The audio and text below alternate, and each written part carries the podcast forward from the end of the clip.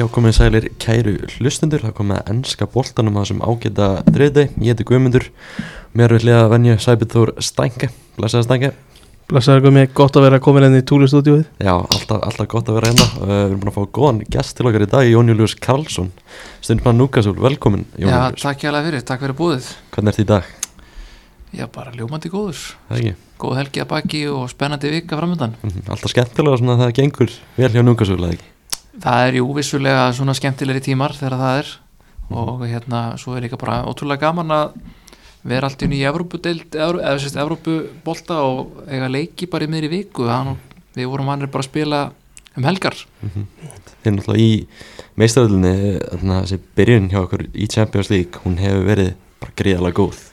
Já, þetta var ótrúlegt að horfa á Newcastle taka PSG og pakka þeim saman á mm. Semtiensis uh, núna fyrir hvað tveim þreim vikum síðan tveim vikum.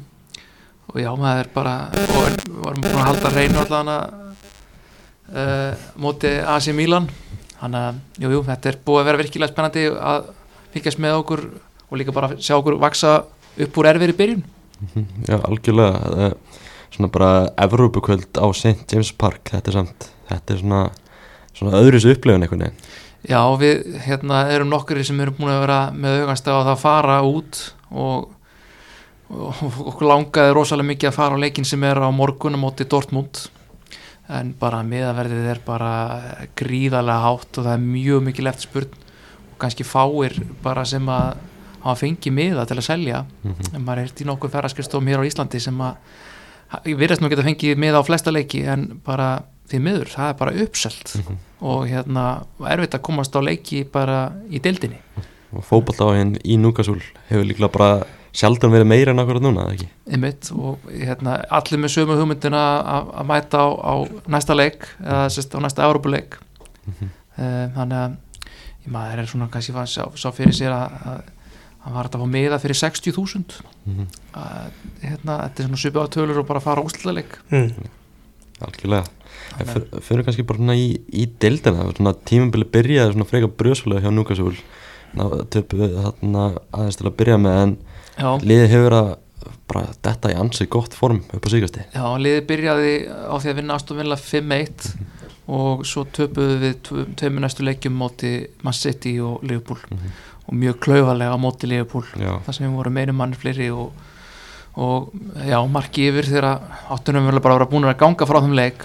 Svo í kjörfara á þeim tableik þá mættum við Brighton úti sem var á byrjuðu tíðanbili virkilega vel 2-3-1 þannig að það voru aðeins þrjústi eftir fjóra leiki og hérna og það kom bara blessunulega landsleikarlið og Eddie Há náða bara stilla saman strengi á ný. Fóð svolítið bara aftur í, í hérna í þá blöndu sem hafi verið að virka tíðanbili áður. Og já, ég held bara að hann er bara liðið fundið taktin og uh, margir af þeim leikmönu sem hafa verið að koma inn í fjárveru annar leikmanna sem hafa verið, verið frá vegna meðsla hafa bara stimplað sér mjög vel inn. Mhm. og komið meiri breytti í þetta. En uh, já, bara ma maður svona sér handbræðið á því liði sem var þetta í hafa komið fyrir að það er heldur áfram í ár. Mhm. og, og hérna gengur vel og við tættum í okkur Kristal Palace um helgina. Mústu, það voru frekar ólíklegir menn sem voru bara að gjössanlega ganga frá hæri kantinum hjá Crystal Palace. Eh, menn eins og Jacob Murphy og, og hérna, Sean Longstaff. Þannig að já það, veistu, það var ótrúlega gaman að fylgjast með uh, þeim leikmönu sem voru hjá félaginu þegar gekk sem vest undir Bruce að margir af þeim eru bara reynilega að blómstra um þessar mundir.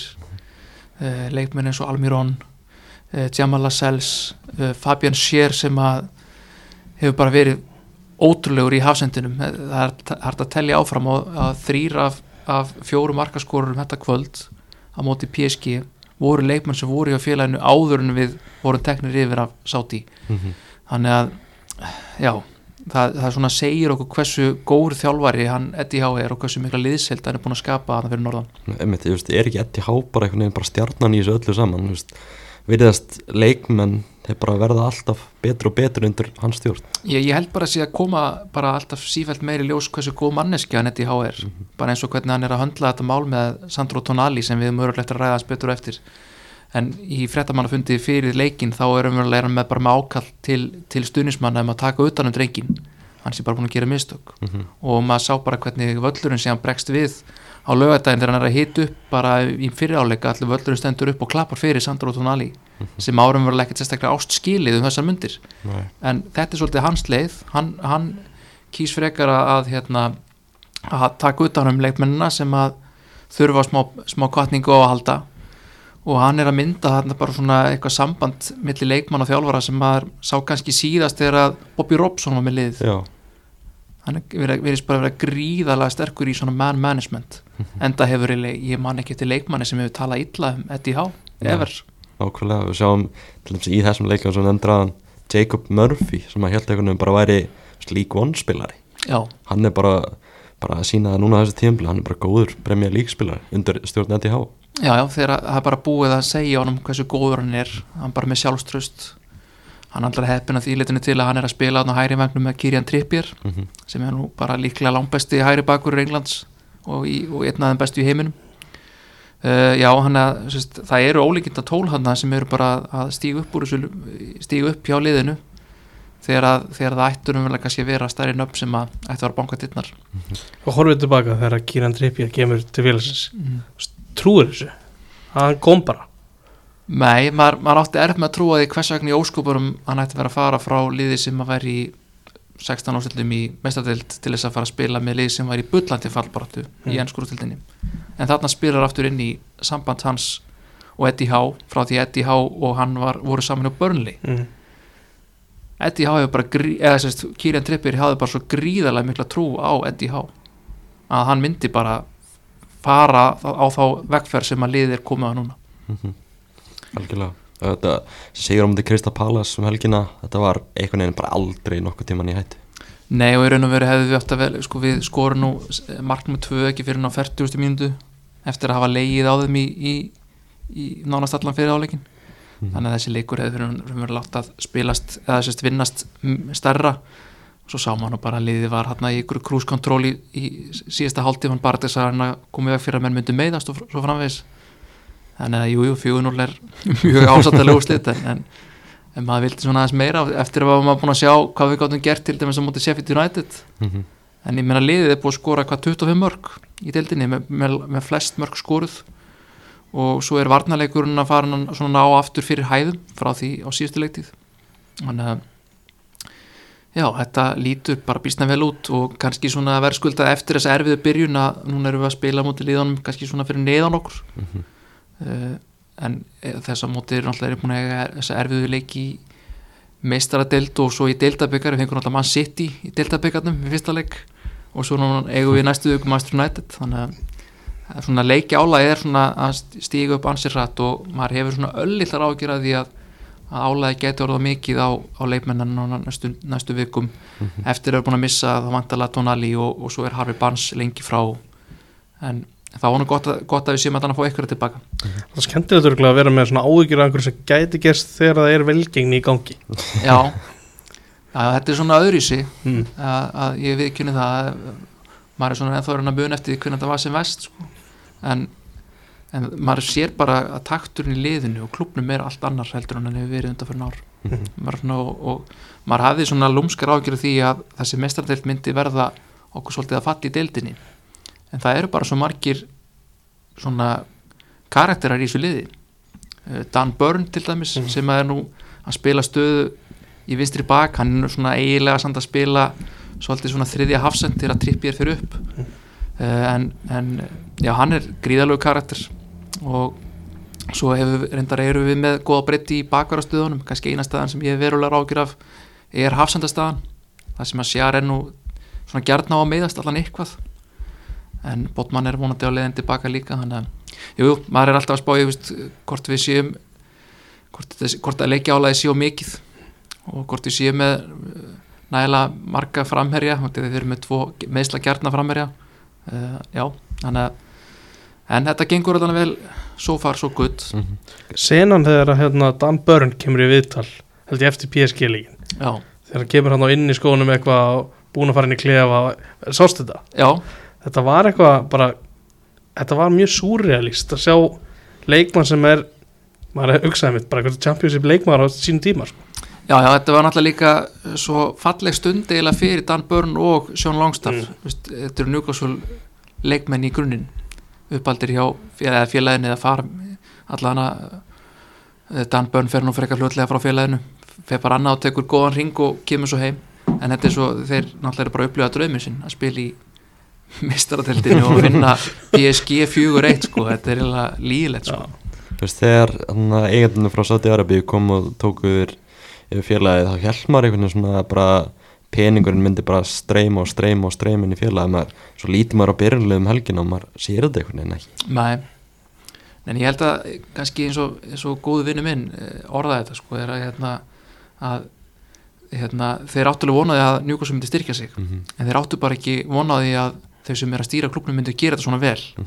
að, veist, og fælega það er ekkert verið að kaupa einhverja svona risanöpp sem að vitum að taka inn svakalega launafjóraðir að, að vera að kaupa bara smart svona, veist, eftir, jújú, jú, Alexander Isak er alveg hálf profíl mm. en það eru til markvælt stærri profílar heldur en Isak sko. og Bruno Gimaræs og Sven Botman og það vissi, ég, ég held að ekkert svona margir að vita hvað Bruno Gimares var fyrir hann kom í tildina sko. jú, jú, einhverju sem eru að horfa á mestadildina og kannski Europdildina og franska boltan alltaf Mhm.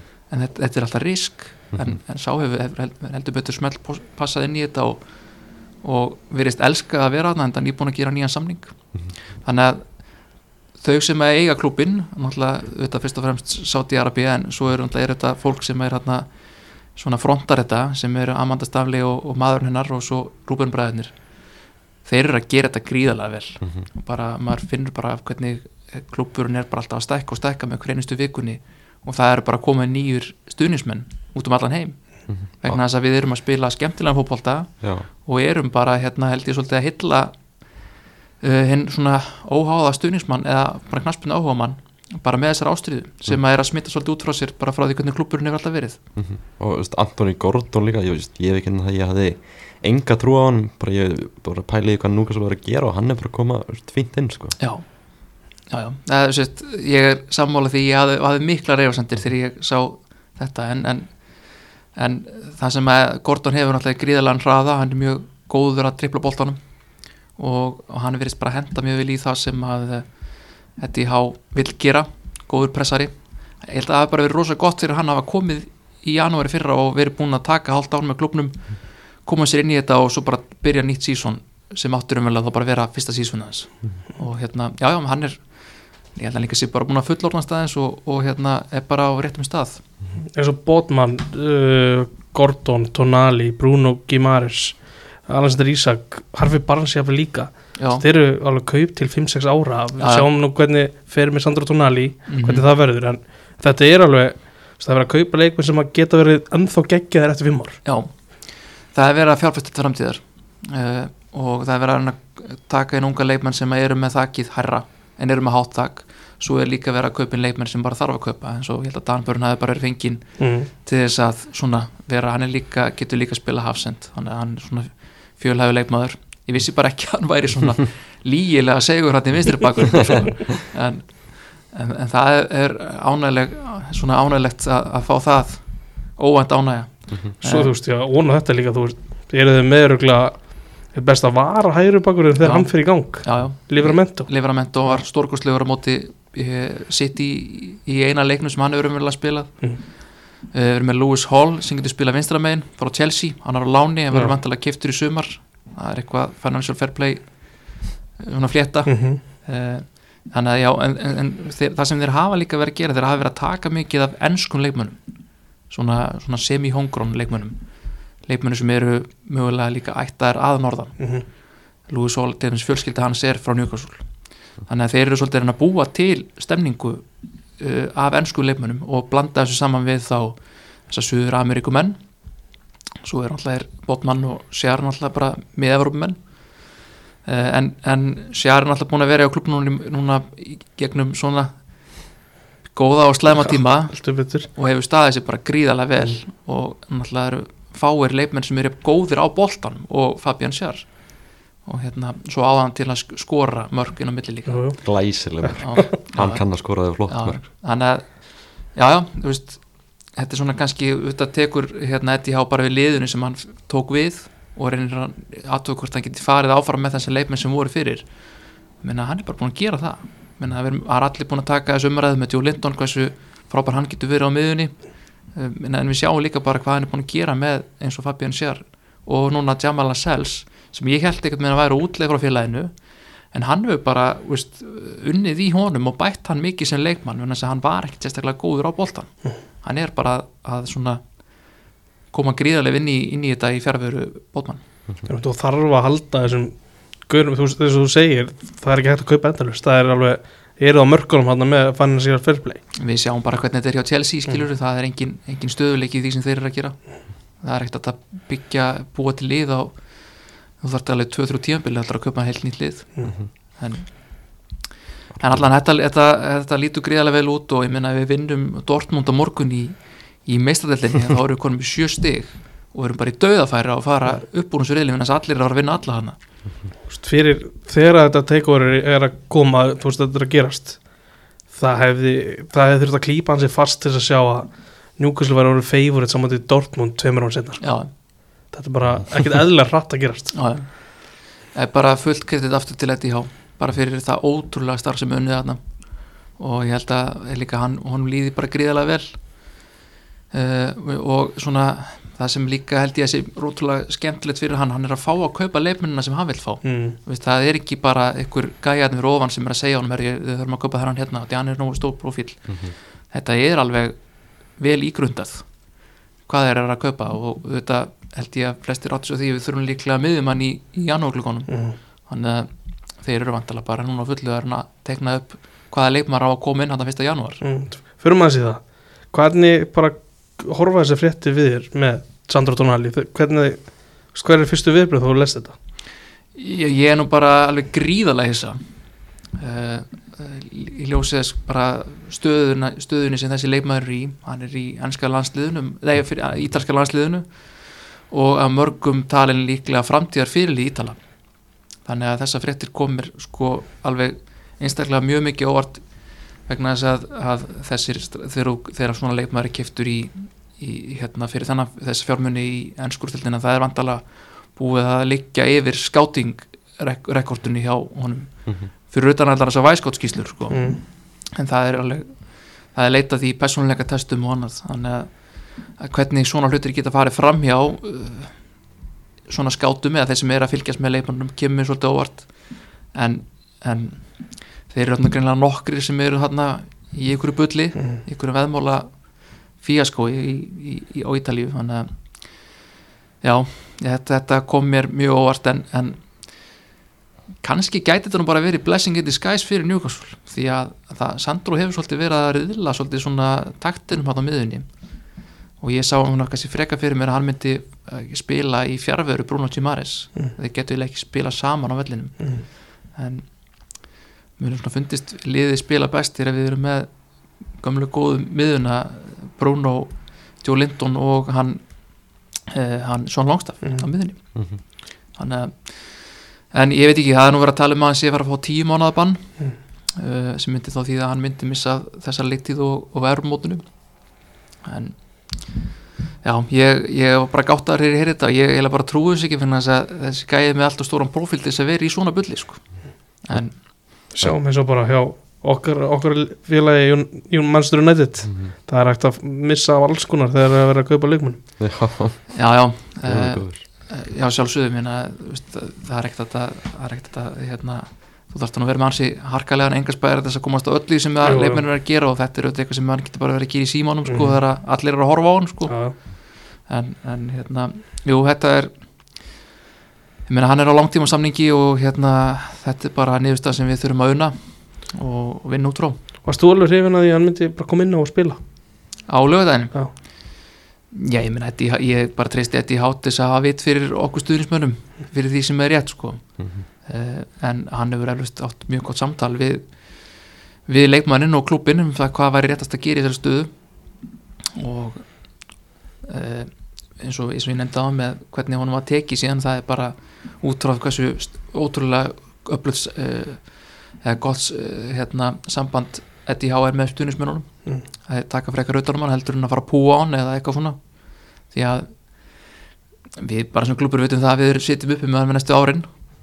Mhm. það verður ekki öll að, kannski selja hann í sumar en, en Nei, það lein, auðvitað er hann alveg ótrúlega góðu leikmaður en, en hann, hann tekur hann alveg tíma að koma sér inn í enska boltan eins og við höfum séð með marga ítalska leikmenn. Þetta er aðeins annar taktur aðeins Yes. raðar í fótbolti. Uh, þannig að já Er einhver umræð um, þú veist, kaupverðið? Hvort að eitthvað að þessi aftur virt eitthvað að þessi Mílan þurfa að höld, greiða eitthvað hlutaði tilbaka? höld, höldum við að sem Mílan hafi vitað eitthvað um þetta? Því maður held einhvern veginn að þessi gæði er þið nefndur á hann framtíðalans fyrir Ítalíu og einmitt, er þið bara svona Mm. club legend hjá AC Milan að maður hefur heyrt hans í Milan. En þú veist, þetta er samt, þetta er alveg upp sem er alveg raun, raunæf Þetta kaupverð, þetta er ekki fyrir að geta að selja undirverði út af einhverju. ég held að bara enginn hafi vitað af þessu uh, nema leysfélagarans í ítalska U21 landsliðinu sem voru hann Mm. með í þessu já, þetta er eins og maður segir þetta er, þetta er alveg fáránlegt Mhm. uh, bara að þeim skuli detta þetta í hug og skuli taka sensin allan á því að veðja síðan á leiki hjá sín megin félögum Já, Mm. maður hefur nú svo sem skilið að verður að veðja hérna á, á seríu B eða eitthvað svoleiðis mm. jújú, jú, kannski með eitthvað einsætt upplýsingar einhvers staðar en, en, að veðja á leiki hjá sín eigin félagi það er eiginlega ófyrirgefanlegt sko. Og spjálta á sjálfa þig. Já, já, Það er alltaf galið sko. já. En, en já, jú, jú, það er svo sem ég það er auðvitað detta í meðverkni skýrin og Mm. segja, jú, jú, hann, hann lærir að þessu og eitthvað svona. En þegar þú ert orðin sko og ert í þessum klassa, þetta er eiginlega alveg út í hött sko. Mm. að, sko, að veistu, það, jú, það, einhver, einhver veðmála fíkn og eitthvað svona. Ég bara áttum ekki á því hvernig menn geta leift sér að, að, hérna, að koma svona fram.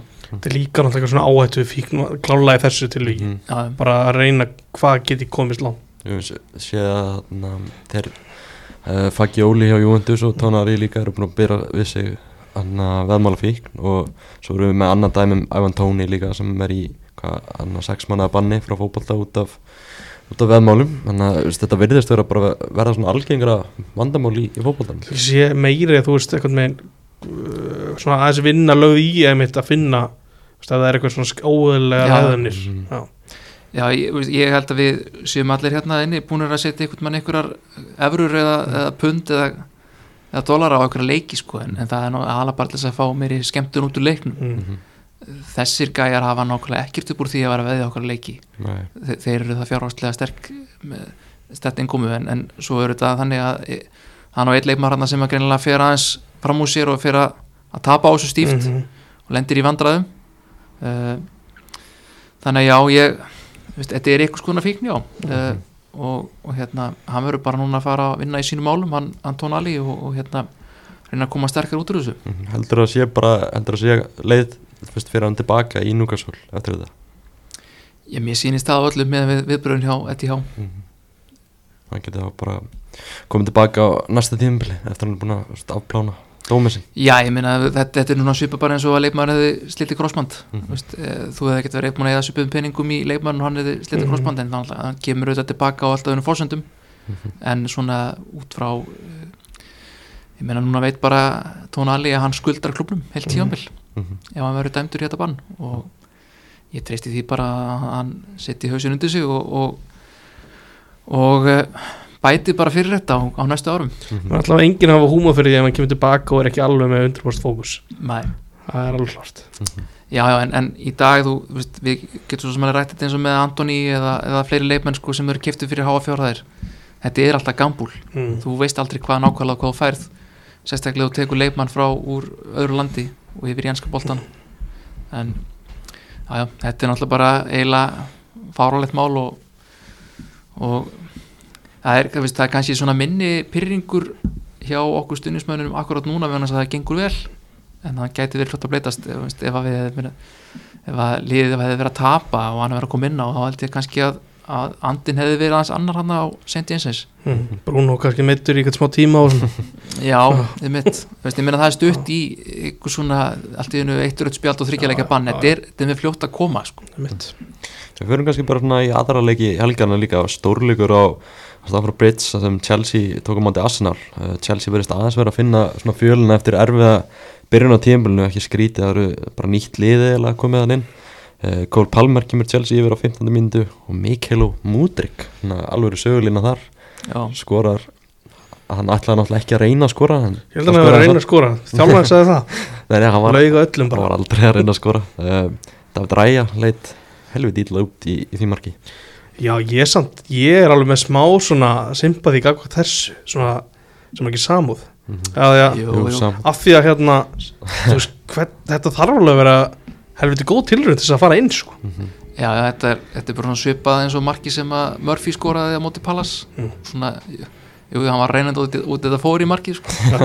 en, en jú, reyn, ræja komin hérna aðeins að línunni en, en, en jú, það þarf að gera ansi mikið til að skora yfir, yfir hann hann hann bara smelli hitt hann einhvern veginn aðsnalega og það er svona að sjá eiginlega svona hvar menn eru staðstir í teiknum til þess að gaggrina, þú veist, har, harkalega finnst mér allavega, þú veist, ef hann er að að lesa einhverja bolta inn á, inn á markteg eitthvað, þá er hann að gera sannlega það sem hann á að gera sko. Já, en svo var ræja náttúrulega bara heppin hann í tví ganga, láti ekki refsa sér.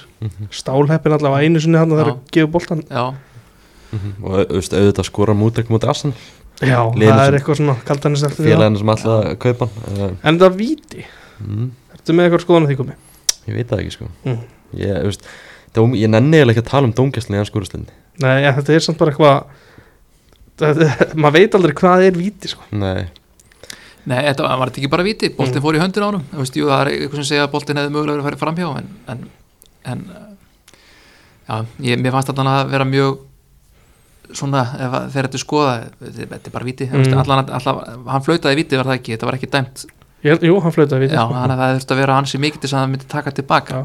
En mér fannst þetta að vera víti, það er mín skoðun sko. dómgæslinni í anskuruslinni er bara eitthvað já. þannig að maður veit aldrei um, en Chelsea var bara að spila vel og kom svona kannski svolítið á óvart en Arsenal er að koma tilbaka já, Chelsea er að finna þetta Mhm. er, og ég held að það landsleikarlega hafi gert þetta mjög gott. Mhm. uh, kannski bara veist, að þetta, þeir eru á móti Arsenal. Já, handbræði á Pochettino er bara að koma sífell betur í ljós. Mm já, bara auðlar að, tapa þessum leik eða sérst, tapa leiknum niður. Þú veist, þeir geta bara sjálfur sér um kent. Einmitt. þetta mark sem Declan Rice skorur er bara djók já, einmitt. Hvað, hérna, ég er svolítið á því að þetta sé ennsókjan mm Ég veit ekki hvað er hann að gera? Ég get alveg tekið að Þetta er ekki först sending já, en hann samt sko enn svo snýrilega í, í baki í hann þegar hann gefur boltan hann, ég, hann heldur náttúrulega að hann sé að vera að gefa eitthvað sem snýr Já, Potti er búin að Já. ákveða að boltin sé Já. ekki fór sig sko. Þetta var allavega að skríti hvernig þetta sást í svona sjónrunu sko. Mhm. já Robert En- en Sanchez já. Ég, ég held allan að, að sérst, síðustu vikur eða allan að þessi helgi sérstaklega hafi verið ákveðin sigur fyrir markmann eins og Nick Pope mm. að fleiri liði ættu kannski bara að vera með markmann í markinu Er búa já, til eitthvað já, eða bara svona stendur á sínu og, og svona varnalínan veit hvað er þeir hafa hann þetta er ekkert bras Mhm. ég meina Nick Pope á allir bara á hérna þátt í einu, flottast markinu í um helgina þegar Já. í, fjórða markinu í Jökulsvöld sem var geggjustóð eða sérst skindisó en maður sér bara eins og í þessum leik menna Sanchez og Raya bæðir báði markmenn fengnir en þess að þeir eru svo frábæri í löpunum Mhm. Það var ekki að skila þeim miklu. Og Nana sömu leiðis Mm. hjá Manchester United. Og Nana er flottur. Nei, uh, hann er, já það er, Það var vel slútt og ræs og kannski klárum þetta þar. Já, mjög, Mjög vel mjög slútt og ég er ekki sem vissum hann hefur að verið í markinu sko. Nei. Það var svona alveg á mörkunum alltaf. Það var geggja skot og, uh, það- og það var samt eiginlega bóka um leið og er mingum að þeir myndi jafna. Það já, já, öll stemning var þannig sko. tross að djafnaði 84 mynd. Mm. þetta var bara akkurat það sem þú vilt ekki gefa Arsenal 2-0 undir að gefa þeim von hérna, úr, úr ykkur þvælu sko. en já Komið nú er þú vel hæriður, hvernig fannst þið greiðslan á Ben White? uh, hann er flottur. Já, White ok, þú er engi gaggrinni hér. Nei, Ben White, hann er, hann er svakalur Já, þetta er náttúrulega, ég var nú að ræða þetta við kollega minn í vinnunni í dag, bara hvað þurfum við ekki að ræða Ben White? Jú, Þetta er, þetta er karakter. Já, en sko þetta er sami karakter og, og, og fór heim Mhm. af, af hérna HM af HM, er því að hann lendi í einhverjum rifrildi við aðstofþjólfara mm mhm. ég er bara, veit ekki alveg hvað ég hef þannig að gæja -hmm. vöðunum Hann er, held, ég held skiptir svolítið oft um skoðanir sko. Mhm. bara með hvað hann vill, alltaf bara Já, Já, hann er, hann er góður í fótbolta samt Já, Ég held já, það er líkilatri í þessu Ka Karakterinn maður veit ekki alveg er hann, ég veit ekki alveg hann er eins og sé alltaf klári að fara á Love Island sko. mér fannst hann vera einn af þessum leikmennu sem bröðust Arsenal þegar, hérna, þegar liðið tók dífuna í, Mhm. í hérna, síðasta vor Hann að gera mistök svona svo tókst eftir Já. Já. Mhm. Hann lögt að tala um Já. það, já og svo bakkar þetta svolítið upp svona kannski þessi, þessi hérna uppákoma á heimsmyndstarmótinu Mm. ég myndi Það er alveg þvæla sko. Já, og svo eh, svona jú, jú, menn með svo sem alveg afleita sig ég er nú ekkert það en, en það er óþára að henda í svona glæsilegt brúkukrem líka Þetta var eitthvað blandaði mitt, þetta var komtil sem að var ekki alveg að ganga upp í fyrstu tilur Nei. Sjáum hvernig þetta fyrir næstu öll En, þú veist, maður tekur eftir stuðnismenn Arsenal, þeir eru svolítið að tala um að vantar almenna nýju í þetta lið. Gabriel Jesus, Þeir eru strax búin að gefast upp. þeir, veist, ég veit ekki alveg, veist, hvað þeir hafa Gabriel Jesus. Að ég, Já, hann byrjaði svakalega vel, en svo, veist, meiðist hann, hann er búin að vera svolítið fráinn að meðsla og er ekki veginn, ekki að finna taktin aftur. Og svo er þeir með Eddie Nketiah sem er svona, reynir mikið, en, veist, ge- getur kannski ekki rosalega mikið. Men ég held að sem meiri vinst, vinsla ég- en get ég, Já. ég held að hann jafnvel hendi þessu liði betur að einhverju leiti sko. Mm já, er ekki Jesus svona meiri kantfæra meiri Jú. svona svipaði bara Hann var svolítið svona hlutverki hans í, í City, sko.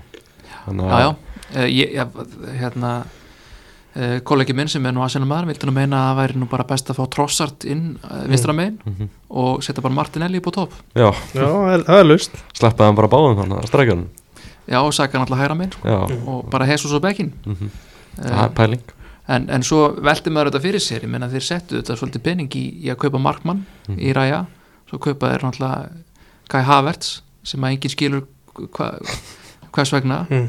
Þegar þeir eru mjögulega þurftu til að taka skrefið sem þeir eru að reyna að taka þeir vantaði bara pjúra center Já, Já. veist, vegna þess að þeir eru ekki meiri target center ef að þeir þurfa að hengja boltan eitthvað há- hátt upp á öllin bara ímynda sér Viktor Ossimann í þessu arsenali Mm. það er því rosalegt sko. Ég, þú veist, var þetta, var eitthvað gali pæling hjá þeim bara að reyna bara að halda veist, Spila prófa, hann virtist Hann einhvern alltaf hafði engan áhuga að vera eitthvað á bekknum. Það var alveg ljóst fyrst þegar Þannig að Arteta sá hann greila bara ekki starta í liðinu. Mæni. Já, en, eh, þú veist, Arsenal er þeir þurfa bara öllum stöðum að halda þeir eru alltaf að keppa eitthvað með meina Já, já. titil sko. Er þeir eru ennþá, hvað, tablusir, það ekki? Jú, þeir eru enda tablusir, ég sá að menn voru svolítið að tala um að, á X-inu uh, Invincibles, þeir byrjuðu líka 6-2-0 Já. Já, mm Gæti þetta gæst aftur? skulum slaka þess að róna Þetta er er talsvöld verra Já, og talsvöld betri anstæðingar Já, nokkulega uh, Liverpool, það var háteinsleikurinn hann á lögadaginn, Liverpool unum 2-0 sigur á Everton í nágranna slag. Uh, Everton var bara verjast vel framan af og svo Asli Young tekur upp á því að vera algjör snillingur og reik, lætur reyka sig að velli.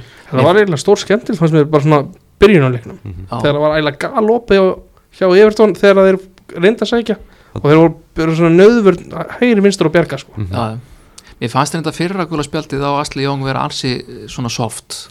Já, það er skrítið því að Chimika skirir eiginlega nákvæmlega saman og fær ekki spilt Já, uh, já en, en setna, setna gula var alltaf bara Ekkert eðla heimskulegt já, já, já. Þú ert bara gulu og brýtur. Já, já, já hann var reyndar man, veitu, hann taklaði hvernig aftur niður. Lúis Díaz. Já, hann, hann var reyndar klókur hann setti hærlöpuna svona inn í já.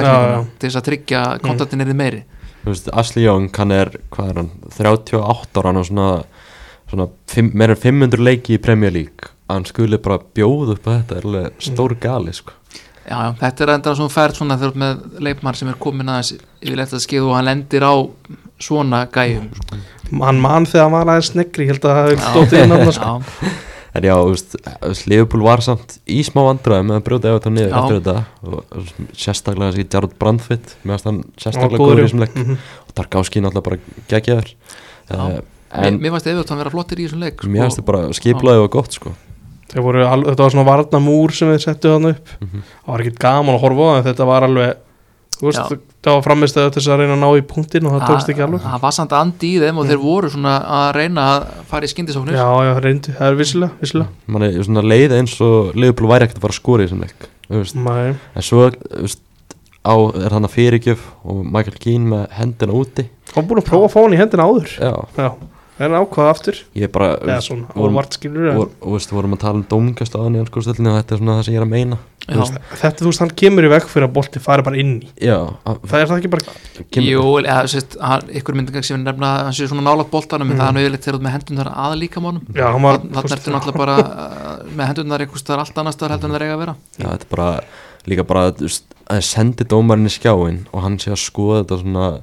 þetta þú þetta mínútu eða eitthvað er bara Já. fáránlegt, Mm. þetta er bara vítaspil Já, já, Já. klart og veist, við höfum séð þetta líka á tímbilinu með sáum þetta með Garnaccio skotið á mötu Tottenham og sáum þetta það er eitthvað fleiri dæmi að, veist, bara, veist, stöðuleikin í dómgæslinu er bara engin sko. maður, þetta er svona, já, þetta er ekki alveg menn er ekki alveg að sjá þetta eins einhvern veginn það er kannski lítið að segja mér um þennan leikun Já, náttúrulega bara þetta setna gula spjald sem að Konati átti klálega að fá Já. ég er það, sko, mér fannst það að vera Eh, klárt sko. og mjög skrítið mitt að þeir eru búin að gefa raut spjald hinum megin og þú sk- að þú skulle sleppa þessu. Þú horfir svo á varamannabekkin og sér það klopp fer strax í að skipta. Já, það þýðir bara að hann veit þetta átt að vera setja gula bara, hann var ein, ekkert inni á dómarinn sko. nei, nei. Já, Mohamed Salah bara klára þennan leik og Já, þeir sem voru í, með hann í fantasy bara glöndust eflaust. Já Liverpool eru bara búin að vera ótrúlega segir uh, þeir, þeir hérna eru kannski endilega ekki búin að spila besta fótboltan sinn? Þeir geta alveg eiga alveg eitthvað inni Mhm. en þeir eru að svona grænda úslit Mhm. og það er bara svona kannski takturinn sem Leopold var í hérna. Mm þeir lendur nú svona smá vekki fyrra en þeir eru aftur svona gamla eða svona Leopold undir klopp sem við þekktum, það, það er svona að koma aftur maður, veist, maður hafði miklar ágjur af Liverpool fyrir tíðanbila því þeir voru einhvern veginn bara svona í stúrsi bara að að finna bara minn Moises Cassetto, þannig að 120 miljón pundar tilbúð bara viku fyrir mót og veist, en bara veist, þessi endurbygging á miðsvönd hefur bara gengið bara veist, enn sem komið er. Já, ég er ekki eftir að mæta svona alvöru tempó liði einhvern veginn? Þú veist, þeir mæta njúkaslu eru bara rasi en þeir eru eftir að mæta ég svona alvöru vél á miðsveðinu sko, finnst mér. Já, sjá hvernig Alexis höndlar það að vera sexa hann, þannig er hann bara að stýra spili og það er ekkert vesen sko. já, þeir eru svolítið vel mannar í áttónum en Mm. kannski minna í sexunum þeir var eitt svona djúpan þeir eru nú með endo, já, það geta vel verið að hann þjætti líka bara eins Já. þegar það verða stærri leikir sko. mm það var skemmtilega úslit þannig álögðan eftir leik Liverpool og Everton. Bournemouth 1, Wolves 2 Gary O'Neill fór á sinn gamla heima og tók þar þrjú stig. Já, að og hendi svo bara öllu mánudagskvöldunni að, að, að, hérna, að drulliði Bormóð það fór yfir að hvernig þið átt að vinna Bormóð það var í heimsótt hjá Jamie Carragher. Það er ekkert eðla hart sko. já, hana, já, það er en ég er svo sem skýran langallega ég, ég bara botna ekki dýði ég held reyndar að það voru ykkur sögsagnir um ykkur þjálfara sem var í, í ykkur brasi utan á allar það kom sko tveimur dögum eftir það Já. þannig að maður, svona laði Já. saman 2-2 þar það var kannski bara eftir á bara illa gert hjá veginn leta hann líti út fyrir að vera Já. segan sko. láta hann lí, líta ógeðslega illa út Mm. já, og, og ég veit nú svo sem ekkert hvort að það hafi verið hann eða ykkur annar en, en allavega hann Bormóð tekur að nákvörunum að lúsa sig við þjálfara sinn sem að náði fáránlega góðum árangri með liðið Mm. í- á síðustu þessi leiktíð gæði var bara þjálfari ásins Já, í já. fyrra kannski fyrir utan Eddie Howe og Guardiola Mm. eitthvað, Einmitt, uh, þannig að ég, ég þetta er, er gríðarlegu sigur fyrir hann og, og líka fyrir hann bara hvernig sísón hefur byrjað hjá Wolves menna það var allt í það var allt í ruggli hérna bara fyr- hérna í sumar já. Það er ekki líka búið það er ekki búið að valdi við vúlsinu um leik. Þeir eru bara búin að vera ógeðslega átt að góð vinna Man United Unnu ég menna hann tekur við liðinu bara rétt fyrir mót. Já, og það var allt í rúst þú veist í, í hvað maður að segja það var gæti að ekki köpa hann leikmenn eða það neitt. voru búin að selja besta mannin sinn. Mhm. Já. það var bara alls ekki það leit alls ekki vel út en hann fer hann Mm. á Vitality og vinnur 2-1 og bara, manni líður bara eins og þetta sé gott á Bournemouth sko. Já, eiginlega. Bara að taka svona fáranlega ákvörðun taka hana eitthvað anna, Antoni Eraola eitthvað með svona rosa flotta hugmyndafræði eitthvað Mm. Vir, það virka bara ekki fyrir greinilega. er þetta ekki núl stig? þeir eru á, á hana, með þrjú stík þrjú stig sorry. þrjú jættefli, Já, núl þrjú sigrar jafntefli, já. þannig að veist, þetta er bara búið að vera hræðilegt tímabili á Bournemouth, það er búið að leggja svolítið mikið í þetta lið líka Mhm. kefti leikmenn á háar fjárhæðir í sumar og það er bara ekkert gengið upp bara, bara mikið hrós á Gary O'Neill sko budget því að Wolves fór allt í það að kaupa kunja af því að út af hverju klásula þeir Já. þyrft að kaupa hann Já, þannig að þeir hefðu ekkert um að ráði hvað þeir gerðu sko. nákvæmlega, uh, Brentford vinnur þrjúna sér á Burnley, það gengur ekkert upp hjá gengur ekkert þetta er bara, ég veit um að allir að tala um eitthvað að kompani sé í örugri stöðu og eitthvað en þetta er að fara í eitthvað afleita átt sko. gengur ekki neitt þetta lítur afskaplega ítla út hann er mikið að rótur liðinu og varnarleikurinn er bara hörmulur mm. þeir eru næst vest að varnarleik deildarinnar eftir. Sheffield United Stó Brentford er ekki búin að vera neinn hátíð sko. Mhm. Bara langt í frá sko. Nei, nei, þetta er bara fótboltin sem þeir voru að spila eh, hann bara býður upp á að, að þeir fá á sig skelli inn á milli Mhm. um, og svo er þeir ekki að svona komplementa það með einhverjum frábærum sónarleika móti Mm. Mhm.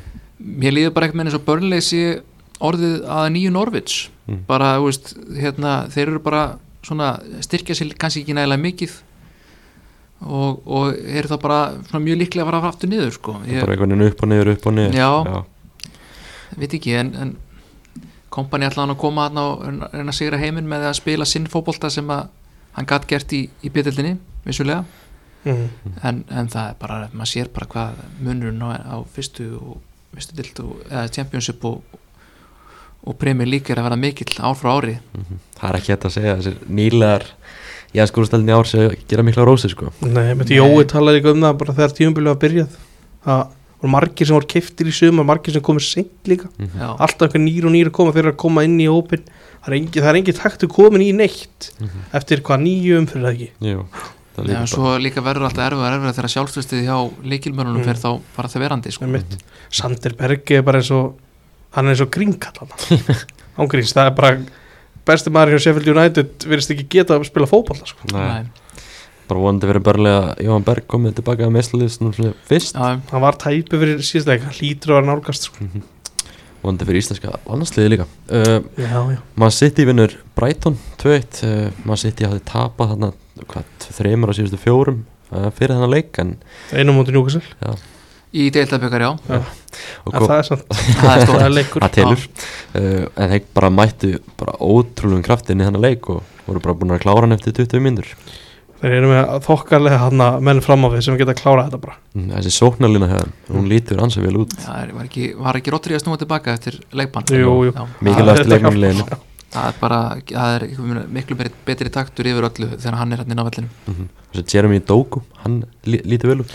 Já, krafturinn hann svona, tekur ekki jafn langan tíma aðlæðast og maður kannski svona hjælt í hjá Peppa því hann oft eh, tekið svona eitt ári aðlæðast hann er að spila flesta líki sko. Já, bara búin að henda grílis á bekkin mm. og þannig að já, og þú veist, City fann hann bara gemstein í Argentínu líka Julian Alvarez. Já, einhvern veginn svona fyrir framann alla og enginn að spá í þessu. Nei, þegar þegar hann kostaði ekki mikið. Það er bara einn besti leikmaður í, í heimi í dag myndi ég að segja, alveg Já, frábær Gar- leikmaður. Guardiola er bara snillingur að finna leikmenn sem er henda sínu liði mm algjörlega. Uh, Brighton, það er náttúrulega umræða fyrir þennan leik að Roberto Di Serbi var í maðurinn sem Pep Guardiola er einhvern veginn búin að yrnamerkja fyrir City þegar hann, hann hættir uh, og bara, maður sér það alveg bara fyrir sér að Di Serbi mæti þangað sko. en af hverju ætti samt Guardiola eitthvað að vera að spáði hver ætti að taka við á hann ég veit að, ég held að kannski er hann svona rugglaði sko, ég held að hann þykir bara svo vænt um Já. City sko. hann er búin að, hann er búin að vera þannig svo lengi sko. Já, kannski Brighton, Hvað hérna pælingin dóku samt að bóti Milner Það er ekki aðeins að skoða það Jú, ka- kannski ekki hann- besta hann var í það í smá vandræði. Þetta, hann fór út af í hálfleik eða ekki? Jú. Já, Það var heldur best fyrir alla. Já, Joel Veltman kom hann inn og hann, og hann húnum gekk aðeins betur með þetta. Aðeins. Að Ég var að stela einhverju vangavelta á þér. Nei, nei, ég er búin að glemma því. Takk stænga Það kemur kannski setna Já, uh, kannski bara þeir nýlega sem hafa litið best út uh, hinga til, eru bara Luton Town Já, og svona minnstu væntingar einhvern veginn gerða til þeirra og þeir geta svona aðeins silt undir radarinn því að það er enginn að keipa sér upp við að þeir tapa, Nei, tapa leikjum sko. ég, ég misti reyndar af, af leiknum hjá þeim um helgina mm -hmm. Nottingham Forest Býtu, já, þú varst ekki að horfa Nei, en ég, ég sá það á hann móti tóttir hérna helginni þar á undan Mhm. mm. og það var alveg með ólíkindum að horfa á þann leik hversu illa þeir fóru með færin sem þeir fengu. ótrúlegt Já, þannig að Og- Adebayo Það, færi Já, og var líka búin að sjá þá í einhverjum fyrirleikjum í, það, það, það var eins og þeir hefðu bara aldrei, aldrei skora mark mm. en það er gaman að sjá að þeir séu búin að finna taktinn Komum tilbaka, komum til Forst Þarna var ég búin að, ég var eiginlega búin að bóka þrjústi á Forst sko. Þetta er bara, þeir skoraði hann á 90 annar mynd og það er bara skemmtilegt að fylgjast með þessu verkefni veginn, mm. sko. Þeir eru bara með lið sem að vera, bara vera í neðriðum í Championship og eru bara að kera ágæti sluti sko. Já, Þetta er svona sísón sem þú hefur, e- þú hefur engu að tapa mm það er engin pressa á einur en einum Akkurat. Og akkurát núna eru þrjú lið verri en Luton. Það er börnlega og Sheffield United. Sem ég heldur með þetta sé út af því að þetta er liði sem að bara, veist, ok, strákar við förum inn í þetta sísón, við gerum okkar besta. Og svo bara undirbúa okkur fyrir lífið í Champions og næsta því. Mhm. Allt sem við gerum hér er bónus. Tökum Premier League peningin og, og fallið á greiðslunar og, og skemmtum okkur sko. svo kannski taka sensin í janúar ef, að- ef, að- ef að staðan er þokkaleg. Mm en þeir eru hvað mörg með stig, eru þeir með 60? Þeir eru með 5 stík Já, 5 stig, já, ok, Þeir eru með einu stíð meira en börli En þeir eru bestu nýlega já, þó það Var það ekki nálga starbi Og þeir ekki verstu við fjögur stig ekki Þeir Darby endaði hvað Endur ekki 11 alveg- stig. jú, 11 stig. já, 11 11 Já. stig, já, Fjögur stig um jólin eða Já. Ég held að Sheffield United gæti toppað það. þeir eru meitt stig þeir eru ekki eðlilega lélega líka Já.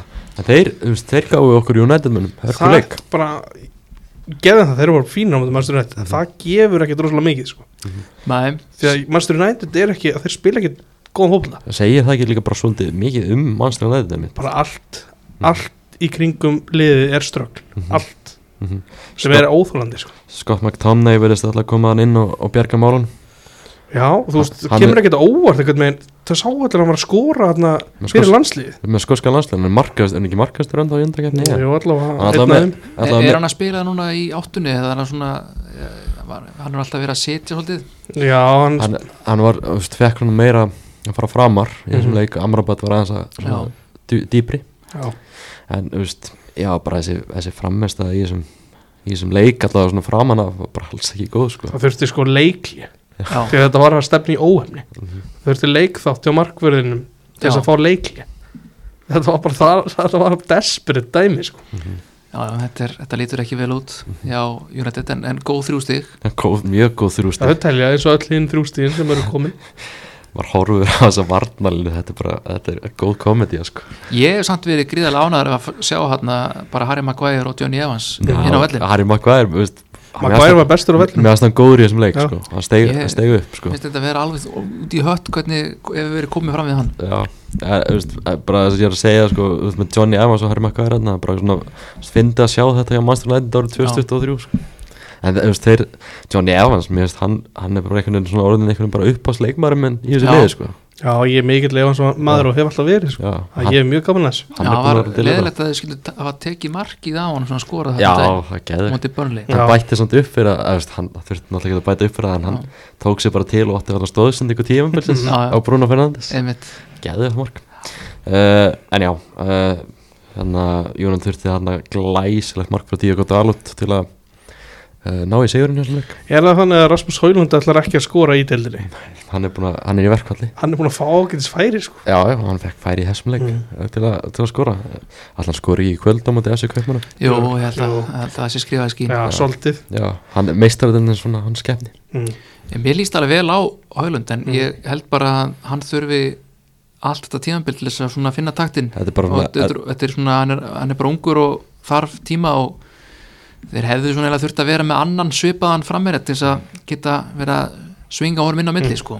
þetta er bara rosalega mikill svona óslýpaður demantur, að maður sér það svo mikið í þessum gæja, hann er með veist, mikinn hraða, rosalega mikinn styrk og hann hefur alla börið til að vera bara frábær sendir eins og Mm, úrstilni klálega það er bara aðeins að laga ég skil hluti. hann líka alveg pínu. Að eitt færi var eftir sendingur og Rashford. Mhm. hann er ekki vanur að gefa boltan þannig að það kom kannski óvart. Já, ég veit, ég, samt, ég sé ekkert annað en þú veist ef að United ætla sér að gera eitthvað þú veist, ná topp fjórum eða eitthvað þá þarf liðið bara líka tilbaka sko. Já, þetta er bara skyndi svona lið. Já, Þess að það hefur verið svolítið, það er eina sem að hefur svona gengið almennilega sísta ár sko. mhm. sem er Ég- sorglegt að vera að segja kannski. Ég vona að allan að þeir fara ekkert að bæta sig mikið á næstu vikum. Við erum að fara að mæta þeim í deildabikatum núna í lókmánarins eitt sem er, veist, finnst perrandi við þetta, við þetta Jónætli þessum, þessum tímapunkti er að veist, Antoni er eitthvað bara hann að byrja að leiki og hann veist, bara getur ekki neitt. Ógeðslega perrandi að horfa á hann að spila fótbolta það er samt að- sama vandamál er það að Garnaccio virðist ekki geta að það er leiki ak heldur. akkur það sem ég ætlaði að koma inn á. hann, hann er- gerir ekkert þegar hann byrjar hann er ógeðslega góður að koma inn á í leikim hann er bara, þegar hann byrja að leiki er hann bara einhvern veginn hauslus hann er svo að hann fá okkur á svona overtrú eða það sem að virka svona gegn honum sko. mm -hmm. bara hefði ég er honum maðurinn og það, þú veist, hann gerist, gerir ekkert rétt sko. Nei, nei, nei, nei það er líka þetta er kannski svona óþara pressa sem að Ten Hag er að setja sjálfa sig með að taka hann leikmann frá Ajax Mm. nýtandi svona nokkurn veginn hvernig karakter þetta er og og bara hvernig leikmann þetta er já, já, Þú veist, að, að sjáum tölfræðan og svo horlenska boltan Já, já. og hún er ekki góð sko. Nei, nei. það Þannig er að- svolítið sláandi hvað hann er búin að taka marga leikmenn sem hann er unni með áður Mhm. eða hans umbóðskristofa mm þannig að veist, eh, ég, ef ég væri stundins með mannstur nætti þá væri ég orðin mjög perar út í Ten Hag. Mhm. fyrra verki, en þetta leit svona vel út í fyrra. Svona allan að já veist þeir, þeir hérna vinna þeir vinna deltabökarinn Mhm. og hérna bara veist, tíum, svona leit út fyrir að þeir væru að stíga skrifir þetta átt, endi þrésett í deildinni og, og svo framvegis, svo bara sama rugglið og var í fyrra í byrjun tíumbelisins já, já, Já, to Það er basic engin, bara. engin, engin framgangur. Og er hann sama og búið að vera undanfærin ár.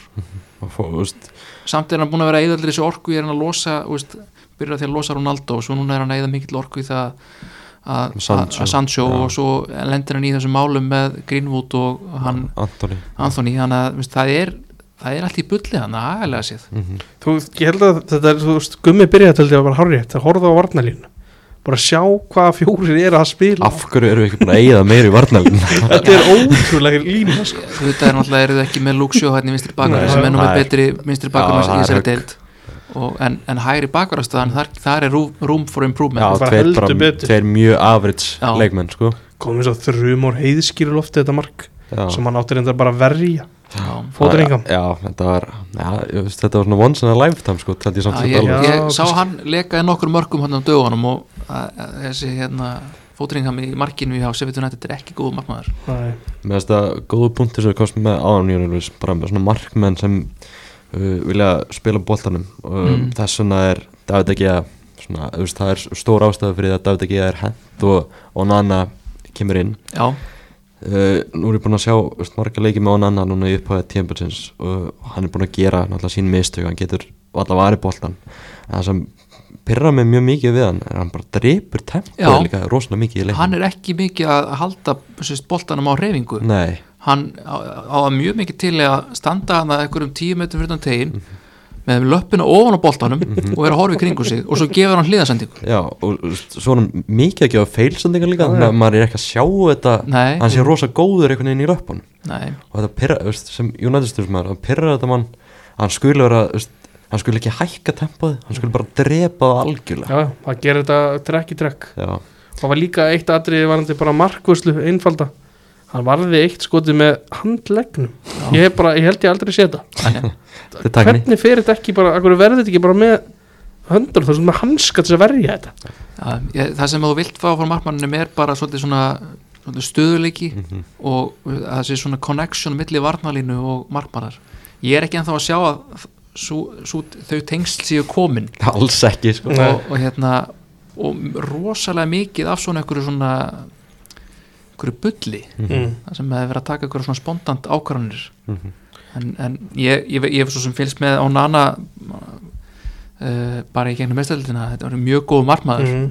en það er eins og að hann sé ekki alveg að höndla þetta hlutverk að vera markmaður maður stundin allan ekki eins og komið þetta er eitthvað stór, stór, stór ás, áskorun sem hann er ekki alveg að standast og er, það er samt hérna eitt myndina með hann að Bruno Fernandes og fleirum hann með David De Já, var gaggrinn sem þið fengu fyrir það. Ha, Já, þess að það væri ekki að standa með Onana þegar voru, í, voru eitthvað kaffi með þetta ekki Þetta er bara, þú veist, hvað er hægt, ekki hægt að grafa upp sko? já. Já, Þú að hann skrítið að þetta geða sig ekki komið lið. Mér finnst það ógst að Það skrítið lítur að búin að hafna helling Það Já. lítur að vera, að þú veist. Af hverju er ekki búin að semja?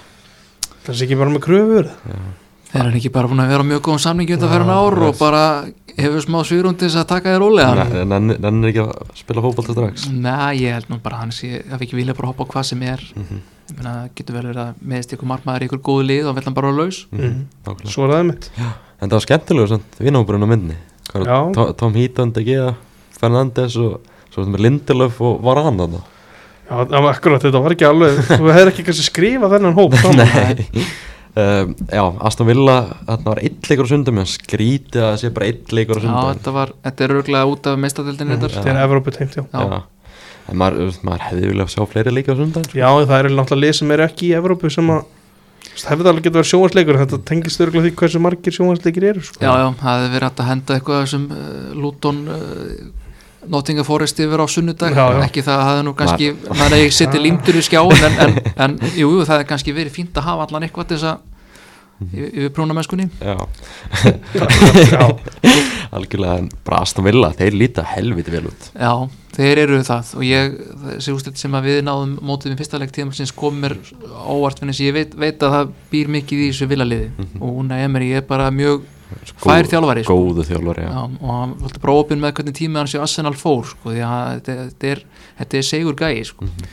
en ég meina það eru bara fullt af góðum leikmörum í þessu villaliði hérna, Oli Watkins er bara ég er hissa ef, hann er, ef Arsenal myndi ekki bjóði hann í, í januar Mhm. Það er verið frábæri Villa Mm. Það er bara geggjaða leikmaður Já, Svo horfum veist, bara byrjunlega Aston Villa lítið bara ríkilega vel út uh, horfum svona varnalína ég væri alveg til að hafa þessa varnalína okkur núna í mannstofn eðið Hann, Já. fín, fín varnalína Já, með Pá Torres og svo með Matti Kass og Luka Dinja. Já, Konsa er nú reynda smá liability sko, verð ég að segja. Ég finnst það Svo er alltaf Það er svolítið stutt í uh, drulluna hjá Dinni líka sko. Já, já, það er segjast á, á sínum degi líta þér heldur vel út en svo er alveg bara kortir í heila blófall mm. Já, hann myndi kannski skipta Luka Dinja út að taka Luke Svan inn í staði Já, ég myndi held ég hafa lúks Jó, sko.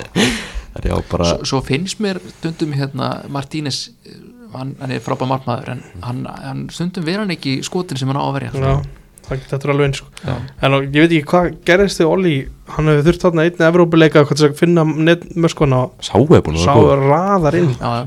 Það var þessi leikurinn á mundi Brighton um daginn. Það var stórskrýtni leikurinn sem hjálpaði hann svolítið mikið. Skor hann ekki fjögur eða eitthvað? Jú, hann skor heldur þrenni í þeim leik. Já, laði upp tvö eða eitthvað Já, geggjaður. Mm. hann er bara rosalega góður að slúta. Er, Svo Douglas Lewis eitthvað Alltaf sagan endalösa hvort Arsenal takki hann. Hann er búin að stíga heldur betur upp upp á síkast er hann ekki búin að skora í sístu sex heimaleikjum villa, eða síst, sem hann er búin að spila? Jú, hann er búin að skora um sex í röð Svo það myndi gera það er eiginlega fáránlegt. Og bara fyrsti hvað síðan 2006 sem skorar í fjórum í röð. Já, já, Bara já.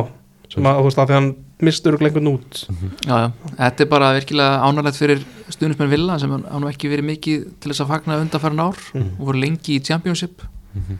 meðan að Newcastle fór, alltaf beint upp þá þurftu þeir að nokka tilhörnir Já, Hvað, þú veist, það er, hvað les maður í samt vest? Getur maður ekkert búist við að þeir lýst til að vinna eitthvað tíðan gott lið? Ég held að vera bara miðjum á því að Þetta er vinni, eru þið svona solid bara að vinna liðið fyrir neðan áttundasæti þeir eru góður á heimaðalli Mm. En svo eru þeir slækir á útivelli. Ég, svo held ég líka bara það vantar en þá svona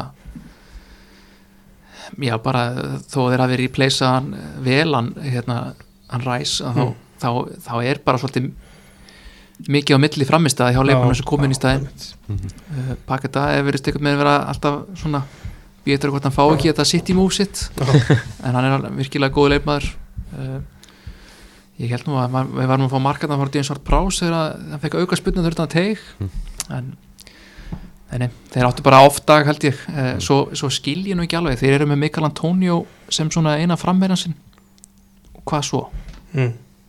hver Er annar er að fara að koma inn á hann og gera eitthvað? Það er mjög góð punktur. Ég, ég áttu mikið alveg er hver á að skora? Danny Ings er hann, já Já, en, en Danny Ings er, er ekki sá leikmaður sem hann var fyrir, fyrir 6-7 árum síðan. Mhm. mitt Kannski með, með Kutus sem er svona spennandi hann, já, hann er svona að íta honum inn. Ég Já. sá hann með skora á móti Newcastle uh, fyrir landsleikelli Mhm. uh, hann verður þetta góð skotlöp á þeim leikmanni. Mhm. en mér, mér finnst bara að, aðkallandi að þeim vanti frammerja mm. uh, vestam Það hefur vantað í, í mörg ár. Ég held að við rættum um þetta við Tómas Steindors um daginn. Það hefur bara ekki verið góð framir Þetta síðan Ég man ekki hvernig, hver, hvað hann lendir sko. Það er Nei, bara mjög langt. Já, Carlos Tevez. Þetta það var eitthvað ágrís Það var bara eitthvað fárulega langt síðan sko. já, Andy Carroll. Andy Já, Carroll. Já, það var eitthvað Karol já, Ég sá einmitt þarna á Twitterðum Andy Carroll er byrjað að skora í frönsku bíl. Já, já, hann er að gera góð litið þar. Með Omiens, það er skemmtilegt að sjá það. Uh, Lokum, uh, Tottenham vinnur fúlum í ger já, Tottenham er bara besta lit eldrarnar í augnablikinu. Þeir eru á tókn hm. Það eru ekki ógeðslega góður Ég- og samfærandi. Þú veist, maður, maður vissi einhvern veginn bara ekki við hvernig maður ætti að búast frá Tottenham fyrir tíðanbili en þeir eru búin að vera ógeðslega góður Spila einn leik í viku líka maður Það verður að taka það með inn í framhaldi sko. já, og kannski líka eins bara við hverju þeir eru búin að spila. Mm. Jú, jú. Þeir eru búin að fá svona líklega eitt letasta prógramið af topp uh, 6-7 liðanum Hvað er bara búið með, þú veist, Arsenal já, og að- United, og United, og Já. Liverpool já, eru þið búin með Já, líka? unnu Liverpool í leiknum Já, fræða rauða. Já. Já, já. ok, ég tekja tilbaka. Þeir eru búin að fá svona se semiprógram. Þetta er líka búin að spila múti Luton og Sheffield þeir eru búin að og fá eða öll neðstu liðin. Já, Mm. en það er bara rósaði með ansposti sóklú Sá Já. er búin að koma inn að krafti. Maður bara, maður dýrkar hann að gæða bara hvernig svona hann kemur fram og svona. Já, ég náði því fyrir áleiknum að þessum leik í ger og það sem að svona ég tók allan út úr þessu var bara vinnusemmin sem að var hjá leikmönu sem að hafa ofta ekki nefnt þessu. Mm. eins og Rít Hjallisson Mhm. sem var að henda sér fyrir allt hann í ger og, hann er tilbúin í þetta. Já, þeir, Og, veist, og hans augljósmála það er bara búið að hvetja á þess að hlaupa uh, og fara í blindusvæðin á anstæðingunum í pressunni. Mhm. ég held að fyrsta marki sem Sons komið hafi mynd komið út úr ykkur slíku leis þannig að já, ég meina þeir eru bara mjög mjög heitir og, og hérna sömulegis bara mjög vinnusamir Mhm. og jú, það er svo sem ég var nú, ég var nú rosa happi í sumar að við varum að köpa Harvey Barnes og Mattisson var að fara í Tottenham sko. en Mattisson er bara hann er, leikmaður hann er ágætur besti leikmaður deildar undir þess að ágæsla góður sko. Já, það er hérna fantasy spilar þeir fögnuðu líka Mm. það reynda blótuð mjög mikið þegar út ógi var tekin út 55, Já. það er aldrei. Nei. það er ljótt að glú, hann náttúrulega er með reynslu úr fantasy. Ég held að hann hafi meðvitað aðeins að vera að grínast í einhverju vinni sínum sko. en já, bara kannski svona lokapunktur í þess að það er ógeðslega gaman að fylgjast með svona samvinnu Dennis Mattisson og Son. Já. þeir verðast bara vera svona bara góð vinir líka. Eru svona mikið að grínast í hverju öðrum og bara samvinnaður inn á vellinum bara unn að horfa á hann. Það er er mjög erfitt að halda ekki með svon mm mm. þetta er bara svo góðu gæi já, og svona vinnarlegur. Mm og hérna, og svo er hann líka bara eitthvað með að að taka þessa frammeirastöðu -hmm. hann er bara komin hann fremstur, búin að Mm. taka stöðuna hjá Harry Kane og hann er ekkert að já, hann er alltaf að skýra fullt af mörgum akkurat, þeir eru með solid miði og mjög ó, svona tóttinanlegt miðvara bara já, og tóttina var náttúrulega bara mjög óskrifa blað fyrir leiktíðina, nýr þjálfari nýr markmaður, nýr hafsend uh, margt nýtt. Takar enda Besuma frá Brighton. Mm. uh, sem er búin að vera góður þó hann hafi verið í banni núna í sístu leikjum eftir, já, ég ætla hann að hann fekk mjög skrítið rauðspjall á móti Luton. Það var aðtilsvært uh, Mm. en, en þeir eru bara með mjög stert lið en ég, ég held svona að það komi ykkur tíðanpunktur í tíðanbili það sem er fá svona lenda í hratningum. Já, Mattisson er nú alveg vanur að taka Smá tíma, s- sinn tíma á hliðarleginni jú, jú, klálega en þú heldur sem þetta ekki að Tottenham geta orðið meistari? Þeir geta það alveg en ég hef enga trúið ég, ég, ég, Vá, það er að haka í gólfu ég, hefði, ég svo mjög gaman að það myndi gerast uh, Já, það, það er allan að sérst, ég hef miklu meiri trú á að Arsenal verið meistari sérst, versus City heldur, en, Mm. heldur en Tottenham. Já, já. Og ég tek það lí- líka með reyningin að veist, jú, jú, þeir eru búin að spila móti sérst, Arsenal Liverpool. Uh, en þeir, þeir hafa líka fengi þeir hafa verið að klára þessa leiki á móti neðstuliðunum auðvitað þurfa öll lið að gera það en svona þegar að snemmaði liða mótið þá er þetta þá er þetta snýst alltaf um það að safna bara safna sigrónum sko. Gleymið því ekki að eina markmið Guardiola fyrir mót var að vinna tóttinam já, það var svona þegar við spurðið hvað getur þú gert á næstu tímili vinna tóttinam, já, þegar gerða það ekki já, fyrir hann er að resinu með akkurat. gegnum tíðina. Uh, Snakki, lókum Callum Bassi, þinn maður. Hann var ömulur og hann, hann getur ekki neitt. Nei, afsendin hjá fúlum, Nei. ég bara hann var í vesinni það er eitthvað, eitthvað sem hann þarf að laga. En hvað er þetta fúlamlið? Já, svo er það. Þetta, þetta var svo ómerkilegt eitthvað með þegar Mitrovic stettur út. Já. það fór í töðunum með að missa bara svona eitt lið sem hann hefði gaman að fylgjast með. Já, ég, það er ekkert sem að mjög spennandi við fúlam ekki einu sinni vilja Nei, alls ekki Harry Wilson held ég að gæti orðið svona skemmtilegur. Það er eitthvað, en þá býða, býða með hann sko. Spáði, þarna Ajax hafði ekki nót fyrir Callum Bassi og var bara tilbúið að selja hann. Segir, þá er vesen, Já, það segir svolítið mikið um hann. Sjáum vesen á Ajax í dag. Já, já. Fall bara til liðið Ajax. Og geta ekki notað hann. Já, en það er eitthvað, það er eitthvað látið yfir, yfir fúlam Já. þeim, þeir eru alltaf með fína leikmenn en það er eins og að sé bara ekki næða mikið stemning. Nei, Mhm. það er verið að örgla í brassi þegar líður á þetta tíumbil sko. Já, þegar, það sem gæti bjargaði mér það að bara hinliðin eru það léleg að þeir svona enda líklega hérna í 14-15 seti ég ætla að fara tilbaka í eitt punkt gummi áður en við slúðum þessu. Mhm. þú talar um hann að janúar, fann að miðjumann Já, Hvað, hvaða miðjumann vilt fá? sko það væri líklega auðveldast að fá Calvin Phillips Mm. frá Manchester City. Væri hann ekki bara drullu góður í svar Jú, ég held að það sé bara fitt sem að myndi ganga vel og City virðist af einhverjum ástæðan vera til í að leifa leikmennum að fara til annar ennskra liða svo sem ekki komið í bakið mikið upp á síkastið uh, en, en hérna en jú, ég held að það sé svona kannski svona leikmæður sem að svona blasir við. Er ekki að spila, er samt í landsliðsklassa og, og getur líka leist hann uh, svona þessu djúpa miðumann af. Mm -hmm. Það er svo típist að þetta hafa að taka Callum Phillips og gera hann bara besta leikmann dildur hann Típist sko. Já, en, en akkur ætti Guardiola ekki verið búin að gera það það er, samt, það er eitthvað, eitthvað viðvörnumerki Mhm. mm Mhm.